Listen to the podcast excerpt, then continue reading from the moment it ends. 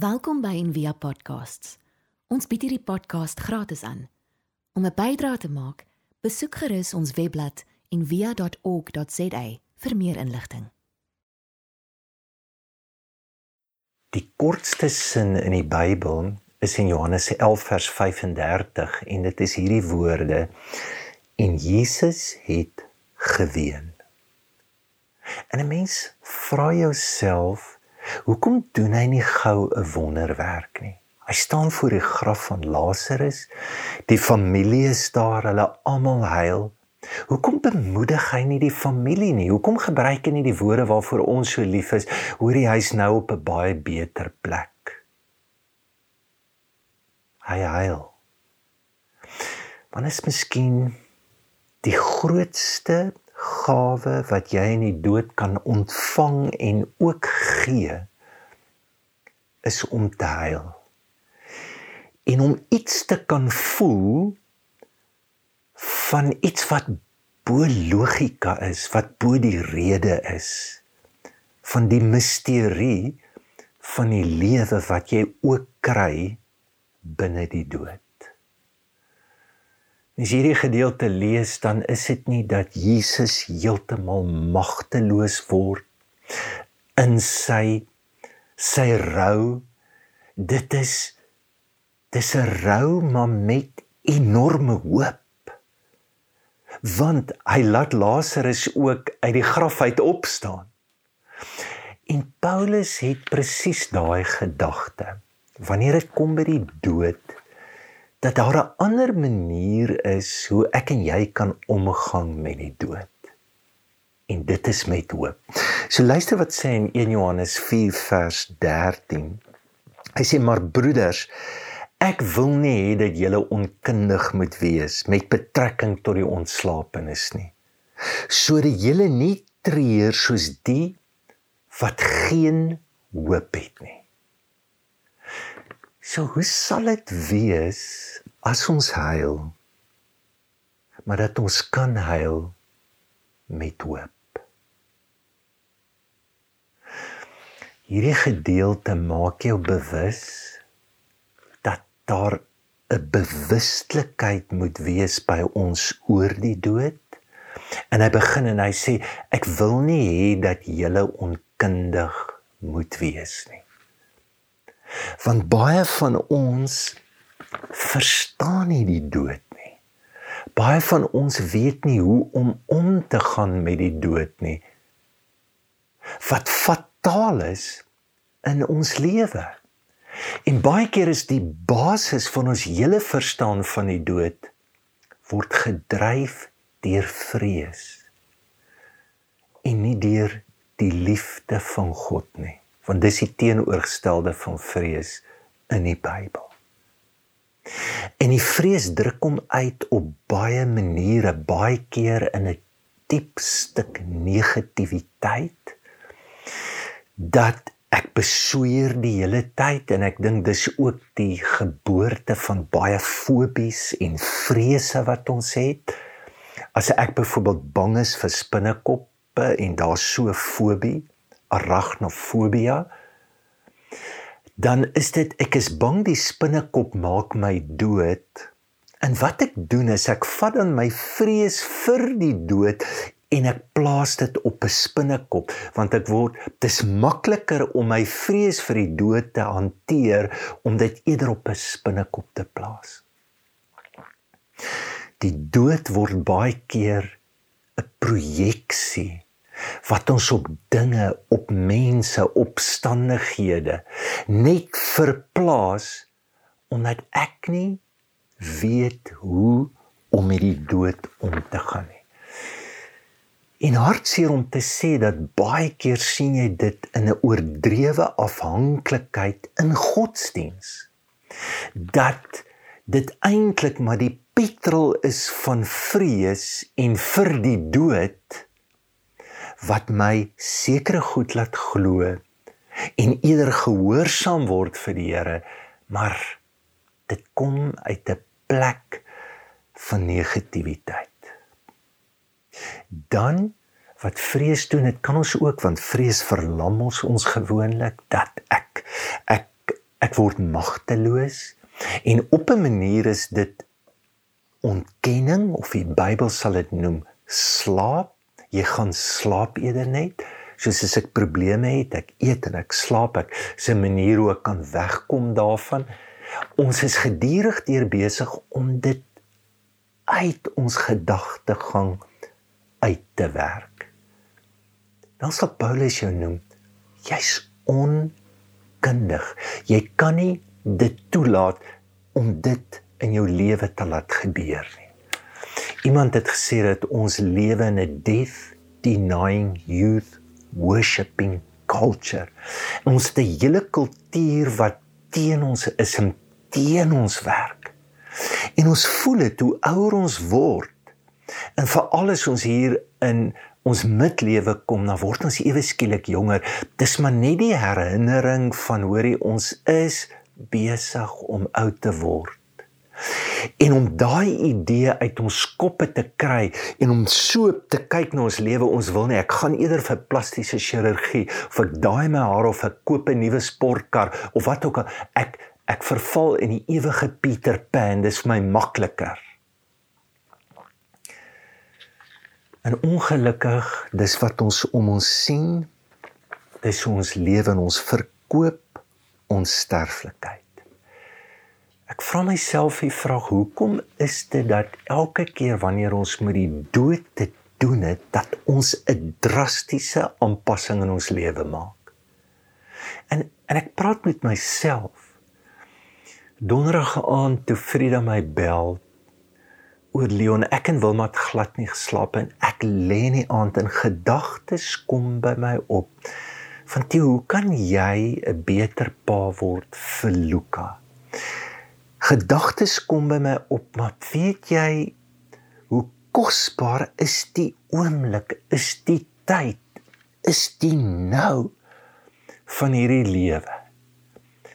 En ek lê op daai bed dan voel ek skuldig. Hoe is dit dat dat Leon die persoon moet wees wat wat hierdie gewete, wat hierdie bewustheid wat my eie onkunde oor die dood vir 'n oomblik net oop klowe dat ek nader kan kom aan hoe dinge regtig is. Die boodskap van die Bybel is dat ons sal nooit ek moet eers veg met die misterie van die dood voordat ek reg is om die misterie van hierdie lewe te kan lewe. En ek sal nooit kan lewe. Ek kan nooit reg wees vir die lewe as ek nie reg is vir die dood nie. In die vers wat ons gelees het, sê ek wil nie julle moet kundig wees oor die ontslapenis en hy praat oor mense wat dood is. Ek het net voordat ek hierdie preek moes opneem terwyl Annellen Fransjo nog hier is te belle tannie my Johannesburg sê vir my my man is nou net dood asseblief ek ek wil nie meer lewe nie help my asseblief in genadiglik is die tannie sy's lief vir die Here. Sy ken die Bybel dalk beter as wat ek dit ken. En ek probeer vir hierdie woorde sê tannie onthou net dat oom Pieter is nie dood nie, oom Pieter slaap. Dis die woorde wat Paulus gebruik. Gebruik nie die dood nie. En die Woordeboek sal vir jou sê dood is die beëindiging van lewe vir Jesus is dit die voortsetting van lewe. En is so beautiful dat Paulus hierdie woorde gebruik die ontslapenis. Dat ons weer verenig gaan word. En ek verstom in die Ou Testament wat bid vir mense wat dood is en in baie tradisies in die kerk is daar mense wat voel dat hulle wat dood is, ons voorvaders is vir ons verskriklik belangrik. Ons wil hulle ook eer ons bid. En is nie die die geloof dat die lewe is nie beëindig nie. Dit gaan nog voort. Ek ek wonder hoe sal dit ons lewe verander as ons dit werklik glo. En Jesus gee vir ons 'n venster. Hy, hy maak 'n gordyn oop dat ons iets van dit kan sien. Dan vertel hy verhale soos Lazarus en die ryk man. En iemand wat daar kom en hy sien die werklikheid van die lewe hierna en hy hy het net een begeerte. Hoor jy wil wil jy nie iemand stuur om net met my broers te gaan praat nie. Want dit is alleen uit die perspektief van die ewigheid van God dat ons kan verstaan maar hoe behoort ons te lewe op hierdie aarde en Jesus sê jy kan dit doen. Jesus by Lazarus in in Johannes 11 sê en onthou vir die wat glo sal lewe al het hulle ook gesterwe. Wat 'n ongelooflike bemoediging. Wat 'n kyk, wat wat 'n verstaan van ons lewe. So dit dit moet ons die vraag laat vra maar maar hoe sien ons dan die ewigheid? Of dit moet ons die vraag laat vra hoe kan ons dan nader aan die dood kom dat ons hierdie oomblikke, hierdie blikke, hierdie verstellings kry? Hoe hoe hoe lewe ons Jesus se woorde, "Maar neem jou kruis op en sterf elke dag." Hoe lyk so lewe? Ek onthou jare terug toe Max de Pre hierdie woorde gesê, hy sê ek's nie ek's glad nie bang om dood te gaan nie. Ek's net bang as ek op my sterfbed lê en ek kyk terug na my lewe dat dit vervelig was. Of dat dit nie betekenis gehad het wat hy seker bedoel by dit. Dat want want dit is presies wat op 'n sterfbed gebeur. Vir 'n oomblik sien jy jou hele lewe in 'n paar sekondes. Daar is dit voor jou. En eintlik al wat God vir jou sê, gebruik hierdie tyd om voor te berei vir jou dood. En hoe jy dit doen is om te lewe met klein doetjies sodat die ewigheid in 'n ewige blik en 'n ander verstaan en 'n ander sien in ons lewe duideliker kan word. Dit is vir my ironies en ek het al by baie sterfbeddens gestaan en ek het al klomp keer vir my sê dat dis hoe ek wil doodgaan, maar ek het al baie keer vir myself sê ek kan nie so gaan nie. En dit het, het nie baie keer te doen met hoe goed jy die Bybel ken of wat jy geglo het nie. Ek ek het glad nie meer daai oortuiging nie. Want vir baie mense gaan die dood oor 'n transaksie en die vraag wat ons eintlik moet vra is, gaan ek hemel toe of gaan ek hel toe? Ek kan vir jou sê Jou sterfbed is dit nie waaraan jy dink nie. En dat die hemel en die hel het niks te doen met jou sterwe nie en wat gebeur dan met jou? Dis nie die vraag wat jy moet antwoord in jou lewe nie. Die vraag wat jy moet antwoord is: hoe lewe ek nou? Die vraag wat ek moet antwoord, soos in die hemel, so ook op die aarde, hoe word die blik van die ewigheid oopgeskeur dat dit in ons harte uitgestort word, want dis die enigste manier wat ons anderster hier laat lewe. Ek wil afsluit die ou kerkvaders het 'n paar woorde gehad en dit was mantras. Hulle sou gesê momento mori. Momento mori. Momento mori. En dit beteken onthou jy gaan doodgaan.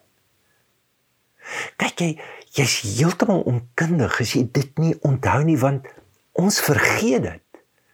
En daarom lewe ons op 'n manier waar ons die dood die hele hele tyd net uitblok en wegblok en wegkry.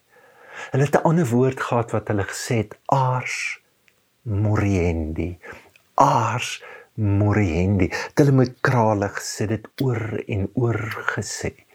En dit sê Here ars is kuns en moriendi doodgaan. Leer my die kuns om dood te gaan. Weet julle hoe pateties dit ons het verander? Die kuns van hoe om te lewe.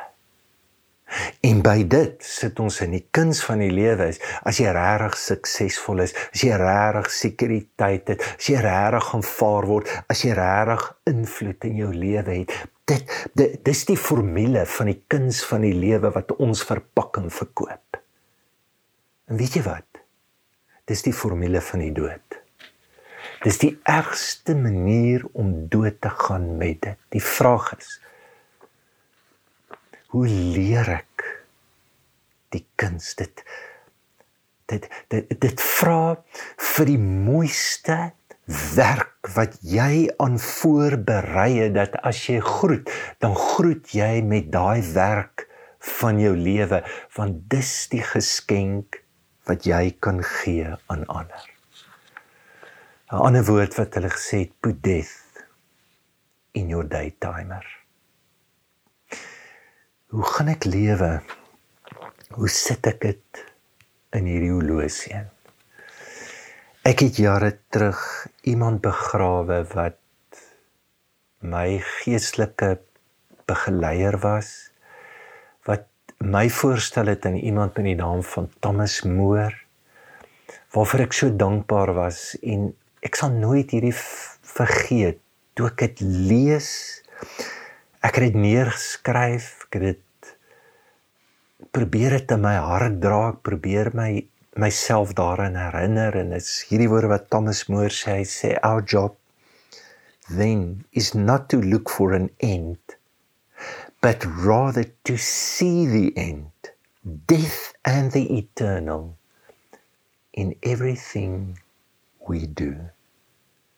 Only by giving ourselves fully to the puny task that life has offered us this day, we will have access to the eternal and the infinite. Only by seeing through the eternal and the blissful soul of our neighbor will we catch a glimpse of the unneighborable.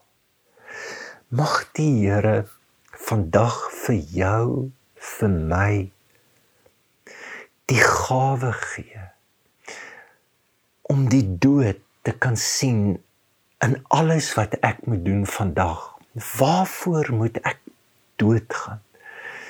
Dat ek meer plek, dat ek groter hartspasies in my lewe kan oopmaak vir die hemel om op 'n ander manier met ander oë te kan kyk om eintlik deur hierdie lewe die ewigheid elke oomblik in ons lewe te kan raak sien. Ek wil vandag vir die Here daarvoor vra. En kom ons vra hom nou daarvoor. Here, help ons hierdie hierdie verskriklike moeilike woorde wat toe u ons leer wat dit beteken om u te volg en ons op 'n kruis op te neem en elke dag dood te gaan. Here wys ons, help ons. Waarvoor moet ons doodgaan? Dat ons reg kan lewe. Ek dank U daarvoor in Jesus naam. Ons hoop van harte jy het hierdie podcast geniet of raadsaam gevind. Besoek gerus en via.ok.za vir meer inligting.